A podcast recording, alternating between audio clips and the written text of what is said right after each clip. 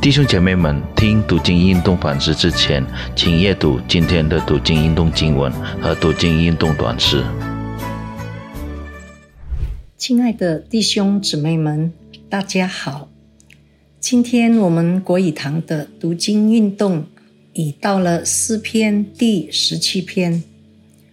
在未进入探讨主的话语之前，让我们一起先向神祷告。亲爱的天父上帝，我们很感谢你给我们宝贵的机会，来一起探讨你的话语。求你灵格在我们中间，以你至高的智慧、精神来指引我们。求你为我们提供宝贵的见解，让我们能够更了解诗篇十七篇的含义，并能明白我们向你祷告。应有的态度与心态，奉靠主耶稣基督的名求，阿门。弟兄姊妹们，今天的主题是主啊，求你垂听我的祷告。诗篇十七篇，这篇帮助并教导我们如何在我们生活的每一种情况下与上帝交往，如何在喜乐。或悲哀中，在顺畅或困难中，在高潮或低潮中，与上帝建立关系的一首诗篇。我们常常求上帝帮助我们解决我们的问题，其实对上帝而言，那是举手之劳的芝麻小事。他能在六天内创造宇宙万物，解决我们的问题。当然是简单多了，但是在他的主权里，上帝允许这些问题发生，是要经过我们所挣扎的问题来加深我们与他的关系。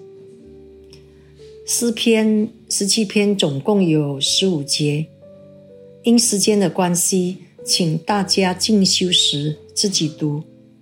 我们要。着重的有几节经文。第一节，向上帝呼求：耶和华，求你听闻公义，侧耳听我的呼吁，求你留心听我这不出于诡诈嘴唇的祈祷。我们看，在这里有很多诡诈的嘴唇，不断的在孽障。攻击批评大卫，所以诗人就来到耶和华的面前，向神倾诉倾诉，并且坚持自己是公义的，要求耶和华判断。这并非说诗人大卫他自以为是，或是自以为已经达到完美的地步，仿佛已经踏入不可能犯罪的这个状况。这里要说的是，若我们自己没有活在主的话里，没有行主的律法，不敬畏耶和华，我们怎么配得向神求公义呢？诗篇十七篇告诉我们，有两种人：一人和二人。一人站在这个诗人，他站在一人的地地位来面对二人。这首诗篇鼓励我们，未来未来到主跟前求公义之前，我们自己要先过做义人的生活，先要有一颗悔改的心，才配得向神求公义。第二节，愿我的判语从你面前发出，愿你的眼睛观看公正。诗人说：“关于到底我是一个怎么样的人的这个判断，这个判断的原理是从你的宝座上对我判呃宣判的，你才是这世界上最公正的法官。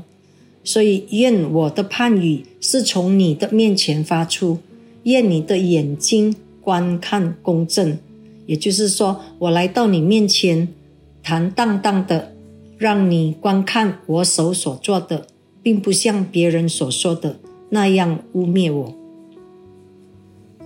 第三节，你已经试炼我的心，你在夜里检查我，你熬炼我，却找不着什么。我立志叫我口中没有过失。这里有说你在夜里检查我。旧约诗篇里的信徒和后来坚持归正传统的清教徒们，他们都有这个晚上反思自己的习惯。晚上是摆脱日常生活呃束缚的这个时刻，在不忙碌的状况下，我们有机会与神联系。晚上是自我反省。自我检讨最适合的时刻。早晨灵修、思想主的话语和祷告，然后晚上以自我反省来结束。我们注意到，这里诗人指出，监察我们的心的是上帝，不是我们自己，也不是凭着别人对我们的批评，呃，这个评价。或给予他人接受的程度来给我们评价。如果我们没有以神的话语为凭据，我们很容易会以为，呃，以自己或他人的这个标准来自我审查。我们会沉默在他人的肯定、赞赏与接受的接受度当中，造成我们对神的检查不再敏感。上帝是以他的话语鉴察我们，所以我们必须昼夜谨守他的话语。第四节论到人的行为，我借着你的嘴唇的原意，自己谨守，不行强啊这个残暴人的道路。大卫在第三节已经立志，让他的口中没有过失。不要去抱怨神，也不用他的嘴巴去报复人。对神对人没有过失。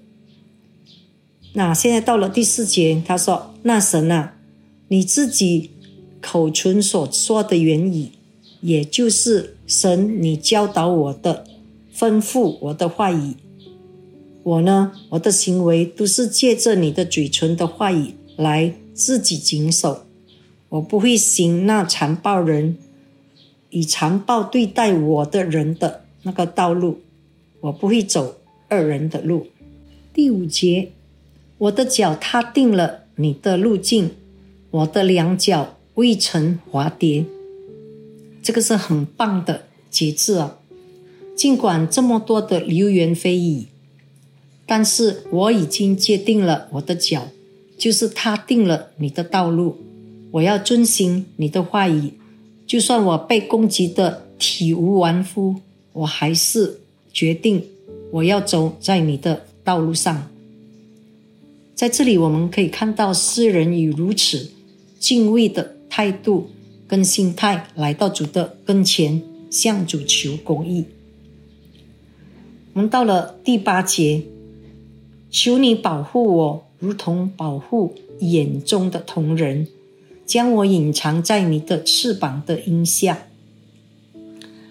我们看神把我们眼睛放在特别安全的位置，同时眼睛也是最软、最容易受伤害的部分。可是呢，上帝却保护他。眼睛同人，眼睛的同人，就是代表人类最宝贵的、拥有的这个标志，也是上帝所。保护所珍惜的。那如果我们看真言书，真言书这个立法就是我们眼睛的同人，所以我们要以两方面来看。上帝看待我们为他眼中的同人，如同我们看待他的立法为我们眼中的同人，所以这是相互照应的。从第九到第十四节，我们看到诗人如何被强大有力的这个仇敌欺压。虽然诗人看见上帝为什么把属于上帝的财宝充满这些二人的杜甫，让他们任意挥霍，然后呢多到一种程多到这个程度，让他们的财宝还可以分给他们的儿女，甚至他们怀中的婴孩，这样他们就心满意足。而且呢，好像他们的家世人丁都很旺盛，所以弟兄姊妹们，我们不要看到人有活成这个样子，却作恶多端，却以为神在睡觉。其实不会的，神会审判的，神一定会实行公义的审判。所以在第十五节。诗人说：“至于我，我必在意中见你的面。我醒了的时候，得见你的形象，就心满意足了。我要在意中见你的面，就是说，一方面我要持守我的意；第二方面，就是我要在公义的神面前见你公义的面。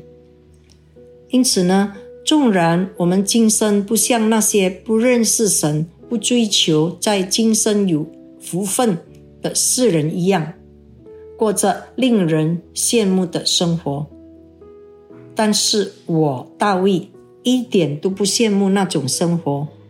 我这一生只求在意中能来见你的容面，希望我遇见你那一天，我是个艺人。能够面对你这位公义的神，我不要像那些只在今生有福分的世人，却在来生有祸的罪人。我醒了的时候，见你的形象，就心满意足了。这个时候，我们看到诗人经过了痛苦的熬炼之后，达到了这种境界。就是见主形象，就心满意足了。诗人在受极大的压迫的情况下，更能够体会到对神的渴慕。好，让我们一起祷告。主啊，当我们在夜间来到你面前自我反省的时候，如果在你的光照下，发现我们有要改变或改过的地方，求你让我们在神的面前勇敢的承认，让我们能够改变我们的言语、思想和行为，我们必得与神和好，好让我们能够安然睡觉，醒来之后可以喜乐的朝见你。主啊，若我们在你的话语上审查自己，发现我们并没有什么地方不公义，或是已经走在神的正道上，那我们就不用纪念那些诡诈嘴唇对我们的闲言闲语，因为这一生真正能够评价我们的是公义的耶和华。主，赞美你，愿我们可以。因着遵行你的话语，圣灵的光照与保守，我们得以在意中见你的面，见你的形象，我们就心满意足了。奉靠主耶稣基督的名祷告，阿门。上帝祝福大家。